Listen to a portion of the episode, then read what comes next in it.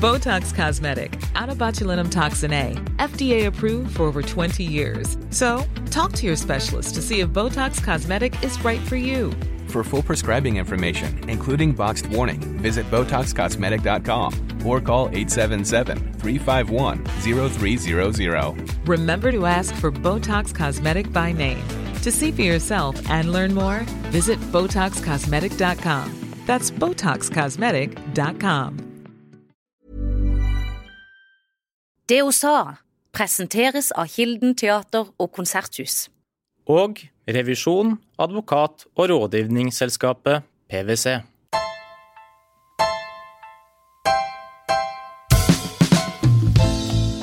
Rikke Gregersen, velkommen til det hun sa. Tusen takk. I studio sammen med meg her så sitter du, Silje Dagsvik. Ja, hei. Og så er det jo meg, da, Birgitte Klekken. Jeg har lyst til å lese opp litt av en anmeldelse som starten på denne episoden. Fordi du er her i kraft av å være regissør Mm. bak en helt ny serie som heter Ida tar ansvar, og som går på, eller vises på Viaplay. Stemmer. Eh, jeg har jo lest mye omtale av filmen din, og til lytterne som ikke har sett den, så skal jeg bare gi et lite utdrag her av hva anmeldere syns. Kjør på. Det er en serie som treffer smaksløkene mine med lavmælte indiefilmstemninger, treffsikre skråblikk og sterke høydepunkt. Og det er en serie som strutter av talent, lekenhet og kunstnerisk entusiasme. Ja, det var hyggelig. Gratulerer! Tusen takk. Hvordan føles det å få disse eh, strålende omtalene av noe du har jobba så mye med som den serien? Eh, først og fremst så er det en veldig stor eh, lettelse fra mine skuldre, på en måte. Det er første gang jeg har gjort noe i langt format som er på en måte kommersielt på den måten, så jeg har aldri fått noe anmeldt sånn, eller at det skulle komme på en måte, uansett om det ble bra eller dårlig, så skulle det på en måte komme med terningkast, og folk skulle mene noe om det. Det var jo veldig eh, ekkelt, og etter hvert så blir man jo blind på prosjektet selv. Man har sittet så oppi det i alle på en måte, deler av prosessen at jeg var på en måte litt usikker på hva vi egentlig satt på, eller hva det var, eller hvordan det kom til å oppleves for noen utenifra å se det. Så ja, først og fremst veldig, en veldig stor lettelse at det gikk bra, og at mottagelsen var god, og at eh, folk skjønte hva vi prøvde på, da. Hvor var du da når eh, premieren eh, Når han var ute? Du, jeg tror, eh, hvis jeg ikke tar helt feil, at det var en eh, Dette er en litt sånn lang historie, men eh, meg og min samboer bor i en leilighet som er fetteren hans igjen, fordi fetteren bor i Tel Aviv. Så noen ganger kommer han hjem, og da må vi flytte ut. Nå har vi heldigvis flytta, men uansett. Så vi måtte, jeg fikk omgangssjuke den dagen han skulle komme hjem fra Tel Aviv, så vi måtte sjekke inn på hotell mens jeg hadde omgangssjuke, og dagen etterpå fikk kjæresten min omgangssjuke. Så jeg tror vi lå begge to med omgangssjuke innlåst på et hotellrom når de anmeldelsene kom, da. Så det var jo i hvert fall et lite høydepunkt i en ellers litt sånn trist tilværelse. Og derfor kan det jo bare gå oppover når man ligger sånn med 100 og jeg tror jeg trengte en liten sånn opptur. Hvis det i tillegg hadde vært på en måte slakt, da, så tror jeg det hadde vært ganske nedbrytende. Så du ble bare ekstra godt kjent med din samboer, og eh, jeg trodde nå så trodde du skulle si at du var på en liksom, rød løper, eller at du var på en premiere, men du lå hjemme med unger syke på et hotellrom. Ja, Mm. dessverre. Men til de av våre lyttere som ikke har sett serien ennå, skal vi ikke prøve å gi et lite sånn omriss av, av hva det handler om? Det er jo en serie som baserer seg på en bok, Mm. også fra en forfatter som vi må si kunne debutere, eller debuterte. Ja, det Ja. gjorde hun. Det var debutromanen hennes. Ja, du kan jo si navnet til forfatteren, Ja, Kjersti Halvorsen heter hun. og så gi oss et lite som tar oss litt med inn i, i denne serien. Ja. Eh, serien handler om eh, Ida, eh, som er i starten av 20-årene og flytter til Oslo. Eh, Ida er en veldig sånn bekymret jente, bekymret for det meste. Eh, men først og fremst veldig bekymret for terror. eh, og spesielt da i møte med denne storbyen, da, hvor det på en måte har jo skjedd eh, før. Eh, så hun begynner på psykologistudier på Blindern, og der møter hun en gutt som er en litt sånn ensom ulv. Bruker mye tid på litt sånn mørke nettforumer, finner hun ut etter hvert. Og ja, får da en, en idé i hodet om at han kan være potensielt eh, en farlig type, da, og at at hun kanskje må ta noe ansvar da for å forhindre at han potensielt kan gjøre noe dumt. Og i starten av serien så handler det jo litt om hos sitt møte med storbyen. Mm. Eh, er det noe Brukte du noe av deg sjøl i det? Du kommer fra Kristiansand, bor i Oslo. Ja. Hvilke erfaringer brukte du fra din egen opplevelse av det å flytte til, til storbyen? Ja, jeg føler meg ganske Jeg føler meg lik Ida på mange ting. Jeg er også en veldig bekymret jente.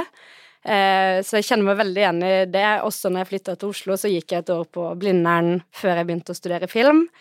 Og det syns jeg var en helt sånn pussig tilværelse. Det var veldig sånn eh, trykkende, litt sånn klaustrofobisk, veldig ensomt, fordi det er på en måte ikke eh, klasser som man er vant til. Det er veldig mange mennesker, og store forelesningssaler med 100 folk, liksom, og man sitter alene på lesesalen i kanskje ti timer uten å på en måte høre sin egen stemme. Jeg syns det var veldig spesielt.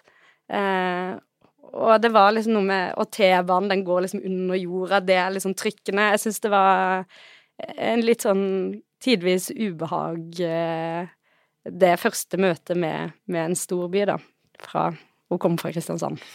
Og den der ubehagsfølelsen, den ligger liksom som et sånn bakteppe, eller noe sånt. Den ligger jo ulmer i denne serien. Ja. Eh, har ditt ubehag og den opplevelsen du skildrer nå, har, den, har det blitt bedre? Ja, det vil jeg si at akkurat uh, i forhold til Oslo, og selvfølgelig også det sosiale, hjelper jo veldig da når man føler at man liksom eier miljøet sitt litt mer, og man er kjent, og man kjenner folk og steder. Uh, men uh, fortsatt det å være litt sånn redd og bekymret, det, det kjenner jeg på fortsatt en del, da. Du har, jo, eh, du har jo eh, kommet veldig langt veldig fort, rett og slett. Din, eh, din kortfilm fra studiene på Westerdals fikk priser. Du har blitt nominert til Amanda-pris på din andre kortfilm. Hvordan har det vært å kickstarte egentlig din karriere på den måten så kjapt etter studiene? Eh, nei, jeg føler meg jo veldig heldig på en måte. Eh, jeg ble jo advart om at det var et eh, skummelt eh, yrkesvalg.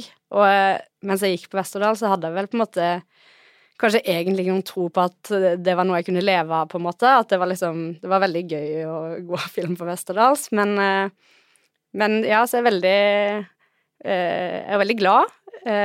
og det er litt skummelt òg, fordi det har jo gått ganske bra tre ganger på rad, og man blir liksom veldig Man føler jo at man har eh, noe å leve opp eh, til da.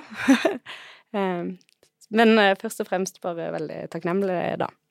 Du, hvis du skal beskrive det som gjør at du lykkes med det du gjør, at du har fått til denne serien, at du er på vei til å bli en regissør som blir lagt merke til, hvilke egenskaper er det du har, hvilke talenter er det du har? Um, jeg tror på, eh, for det første så var det på en måte et tips jeg fikk eh, på skolen om at det var veldig viktig at når man skulle lage film, at man lagde noe om noe man følte man hadde noe å si om. Eh, at eh, det å lage om, eh, om ting man ikke har noe forhold til, da, bankran eller eh, dop eller kriminell miljø Eller hvis man vil lage om det, da, så burde man kanskje ha en stemme, man burde ha noe på hjertet, da eh, noen observasjoner eller et eller annet. Så på, for det første så tror jeg det er på en måte riktige prosjekter for meg, da. At jeg har liksom fokusert på å prøve å velge prosjekter hvor jeg føler jeg har noe å komme med.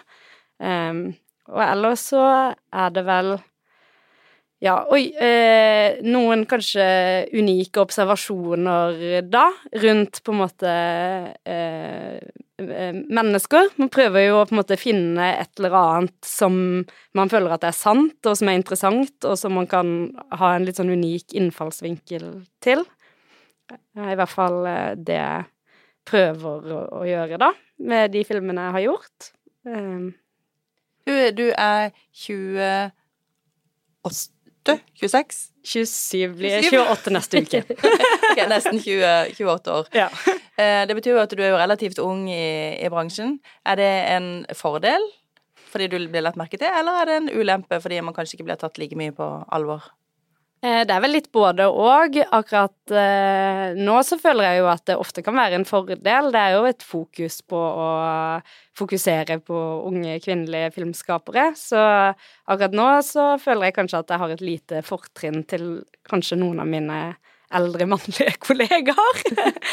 eh, men så er det jo selvfølgelig man får jo ikke kanskje de største budsjettene og på en måte tilliten til å gjøre de aller eh, største produksjonene, men jeg opplever jo at bransjen er nysgjerrig på ja, unge kvinnelige filmskapere, da.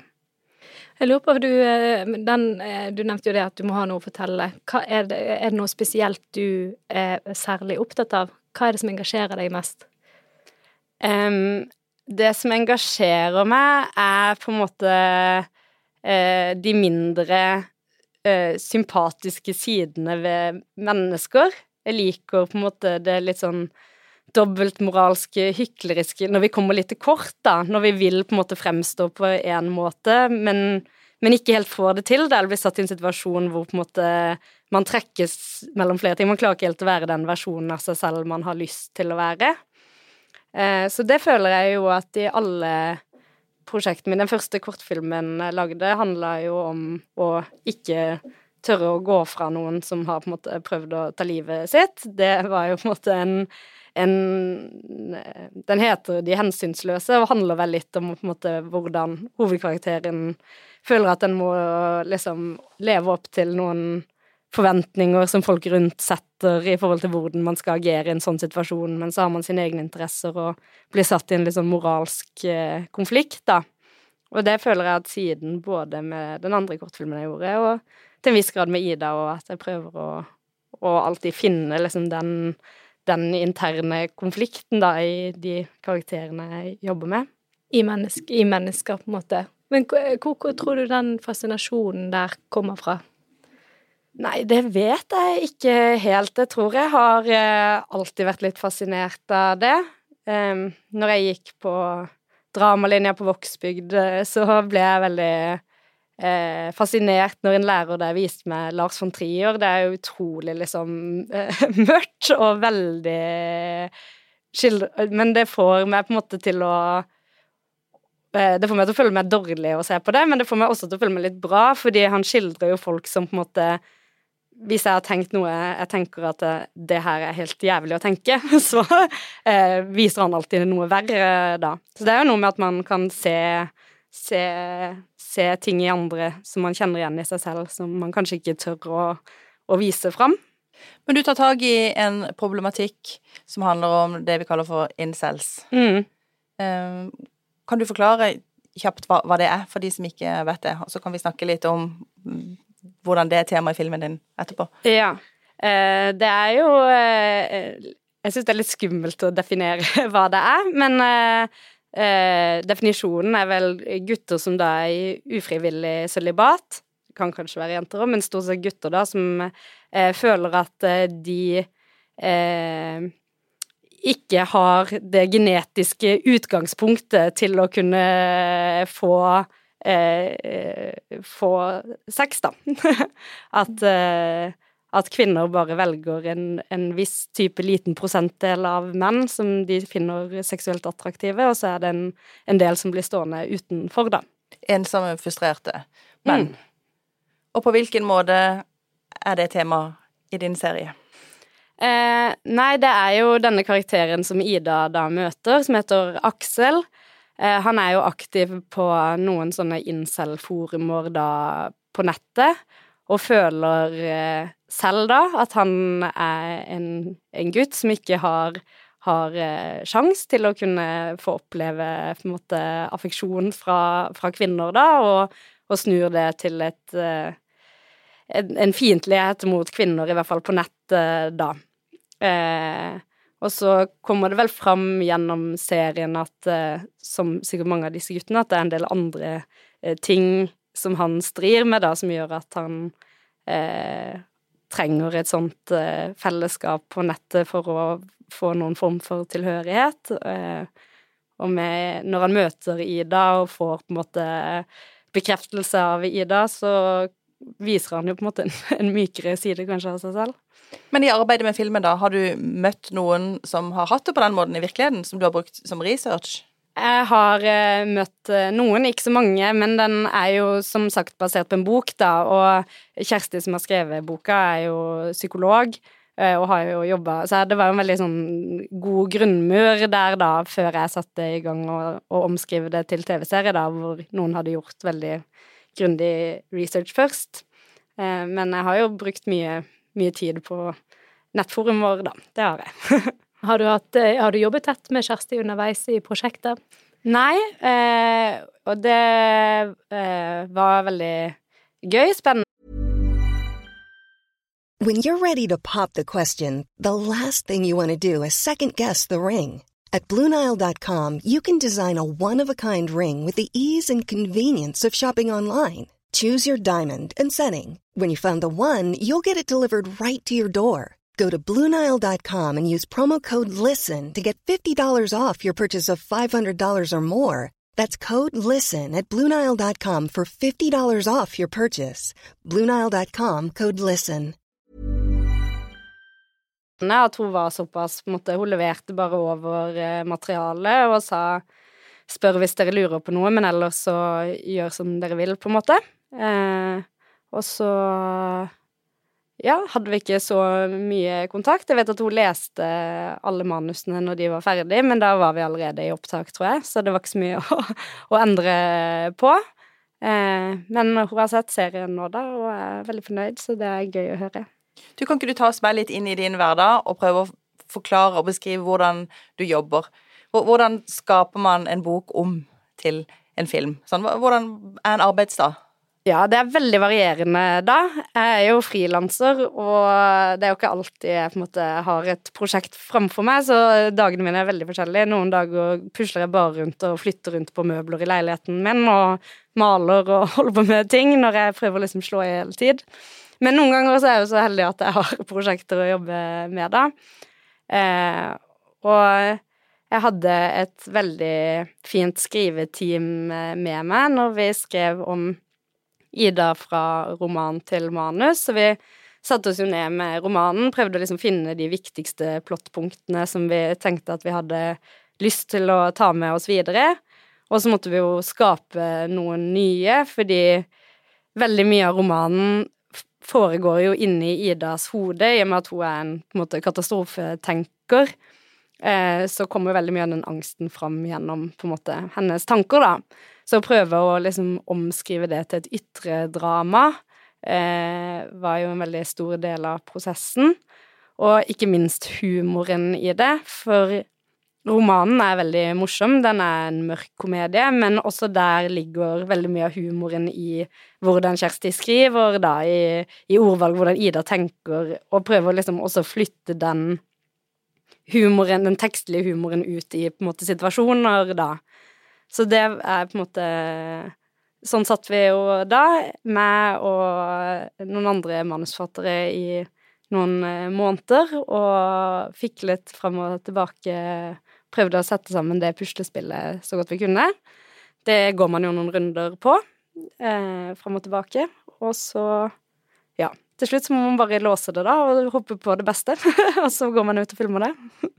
Og så kommer skuespillerne, og så skal de sette gjerne sitt eget preg på karakterene, kanskje. Mm. Hvordan jobber du Hva er du opptatt av eh, inn mot skuespillerne? Både for å trygge dem, men også kanskje få frem den visjonen du har skapt for deg sjøl og for, for serien? Ja, jeg føler jo at det er et veldig godt utgangspunkt hvis jeg opplever at aktørene liker eh, prosjektet, da. At de at jeg virkelig føler at de på en måte Her er noe jeg, jeg kjenner meg igjen i, noe jeg kan bruke, noe jeg får lyst til å på en måte jobbe med, da. Så det var jo en, en veldig sånn eh, viktig ting for meg i møte med Ellie, da, som spiller Ida i serien. Hvordan hun på en måte eh, kjente seg så igjen i materialet da. Så tenkte jeg ok, da har vi en, et godt grunnlag for å jobbe. Jeg kan komme med mine observasjoner, og du kan komme med dine, og så kan vi drøfte de frem og tilbake og, og, sammen finne ut hvorfor gjør Ida sånn her, eller hvorfor sier hun det, fordi vi begge har en slags felles forståelse av henne som karakter, da. Men hender det at dere er litt uenige, hvor du tenker at nei, hun skal være sånn og sånn, og så sier skuespilleren sjøl at nei, jeg vil være sånn? Ja, eh, kanskje eh, mer med ja da Arthur som spiller Aksel. Eh, men han kunne nok være Han er veldig grundig. Veldig sånn sitter og skriver i margen på alle replikkene, og det kan være litt skummelt noen ganger, fordi det er ikke alltid alt jeg har skrevet, er på en måte sinnssykt gjennomtenkt. Noen ganger så er det jo det, men noen ganger så er det også bare jeg vil komme fra A til Å, på en måte, og da skriver man noen replikker imellom for å komme dit, på en måte. Og når du da er en skuespiller som har sittet og nilest hver replikk og skriver i margen 'hvorfor sier han det', og det, der legger han kanskje trykk sånn, så blir man jo noen ganger litt tatt på senga da og skal liksom forsvare de valgene man har tatt, og det er veldig gøy for meg da at, å, å utfordre meg selv og prøve å resonnere rundt ja, hvorfor skrev jeg det sånn egentlig? Og så har vi en god dialog på det, og så ender vi kanskje opp med noen ganger å skrive det om ut ifra på en måte hans tanker. Noen ganger ender vi opp med å beholde det, men kanskje fordi vi fant ut noe nytt om det. Ja, Så det er en dialog hele veien, da. Så du kan på en måte eh, endre litt mening, eller på en måte eh, eh, Hvis skuespilleren mener at nei, når karakteren kanskje sier det, det gir ikke mening, eller at du kan si deg enig at ja, vi endrer det, men de gangene du da ikke er enig, tør du da stå på ditt, da? Ja, det vil jeg si at jeg gjør, men man må jo argumentere for seg da. Men hvis heller ikke det funker, så, så kan det jo komme til det, men det er sånn jeg har sett det for meg, så da, da, må du bare si det sånn, og så har vi det i hvert fall, og så kan vi gjøre en variant hvor du kan gjøre det sånn som du vil det, og så kan vi se på det i klippen da, på en måte, men eh, ja, hvis jeg har hvis jeg, jeg har jo en en tanke om hvordan det skal bli, ja. du, du gikk på Vågsbygd videregående skole på, på dramalinja, ja. og det er sikkert eh, mange av de som går der, som drømmer om å få til noe sånt som du gjør. Hva betydde det å, å gå der? Fikk du noe drahjelp? Ja, det betydde veldig mye for meg å gå der. Jeg hadde jo, når jeg begynte på Vågsbygd, så hadde jeg jo en drøm om å bli skuespiller, eh, ja. Og så eh, fant jeg vel ut i løpet av de tre årene at det var ikke noe god på uh, å være skuespiller. Det var en sånn forestilling vi hadde på Vågsbygd hvor jeg var den eneste som ikke fikk uh, fem eller seks. Jeg var den eneste i klassen som fikk firer på min skuespillerprestasjon. Så da tenkte jeg sånn, ok, det var bare selvtilliten min helt sånn brutt ned. Det her er jeg ikke noe god på. Så da begynte jeg å være litt mer sånn, ja, men jeg liker å snekre litt scenografi, og jeg liker å velge manus, sitte og stryke i manus og, og jobbe litt mer sånn eh, eh, bak kulissene, da. Og så lærte jeg vel på en måte når jeg gikk ut derfra, at hvordan kan jeg gjøre det om til et yrke da, og da fant jeg vel ut at det heter regi, da. Så. Jeg gikk opp på Vågsbygd, faktisk, ja. og jeg fant jo at det er en av meg best til å jobbe med kommunikasjon. Ja. du, jeg tenkte på en annen ting. Det er jo et enormt utbud av serier og kanaler. Kan ikke du som er kvalifisert, gi noen gode tips til hvilke serier vi bør se akkurat nå, som du synes er ordentlig bra? Eh, alle serier. Euphoria er jo helt fantastisk. Det var sesongfinale i går, hvis jeg kan snakke internasjonalt. Så eh, syns jeg den serien er et eventyr. Altså, jeg har ikke på mange år gleda meg sånn at jeg setter meg ned på mandag og jeg gjør en happening ut av at det kommer en ny episode av noe. Du, du må si den serien en gang til. Euphoria på HBO. Yes. Eh, og så eh, må jeg promotere min eh, kjære samboer, som eh, lager en fantastisk serie som heter Sigurd får ikke pult. Den jobber jeg på første sesong. Det var sånn vi ble kjærester. Men eh, den er nå på sesong tre, og det kommer en fjerde, og det er en helt fantastisk eh, serie. Med litt samme tematikk som eh, Ida tar ansvar, men en litt annen innfallsvinkel. Um, og så så jeg Kasko, den nye serien til Jonis Josef, eh, i helgen. Syns den var, var, veldig, veldig fin. Eh, begynner som ganske sånn eh, klassisk komedie. Veldig eh, eh, Litt sånn tullete komedie, men utvikler seg etter hvert til å bli et veldig sårt drama. Så den syns jeg var god. Eh, ja, for å nevne noen. Men klarer du og samboeren din å se film og sette dere ned liksom, og bare nyte filmen og, og slappe av og liksom leve deg inn i det? Eller har dere begge to liksom regissørbriller på og sitter og kommenterer og Ja, eh, jeg har nok det litt mer enn min samboer. Han er jo skuespiller og manusforfatter, så han har nok egentlig det samme, men jeg føler alltid at å se på film er litt jobb. Så for meg er det litt tyngre. Jeg er veldig glad i å se på reality-TV. eh, så litt, litt tyngre er det kanskje å se det. Det føles som når man sitter med det hele dagen og så skal komme hjem på kvelden, så har man kanskje ikke alltid lyst til å ta en runde med det samme da. Men jeg kan også finne veldig mye inspirasjon i å se på reality-TV, da, for det er jo eh, For det første så kan man jo på en måte stjele fra reality. Man kan jo ikke stjele fra andre fiksjonsfilmer at liksom, det er en gøy scene, den vil jeg òg ha. Men i reality så kan man stjele de konfliktene og de litt morsomme karakterene og de litt rare relasjonene uten at det på en måte er tyveri, da. så det kan være litt inspirerende på sin måte. Jeg lurer på, jeg lurer på eh, Det er noe helt annet, men eh, rekruttering, eller eh, det å få jobb, da, i din bransje, hvordan fungerer det? Er det gjennom nettverk fullt og helt, eller? Det vil jeg si at det er i ganske stor grad. Um, det kan jo være um, Altså, det fins jo på en måte to, to måter. Enten så er det jo noen som på en måte kommer med et prosjekt til en, sånn som uh, det var med Ida til ansvar, da, så hadde produksjonen allerede kjøpt opsjon på den romanen, da. Og så kontakta de meg og spurte om jeg hadde lyst til å gjøre det.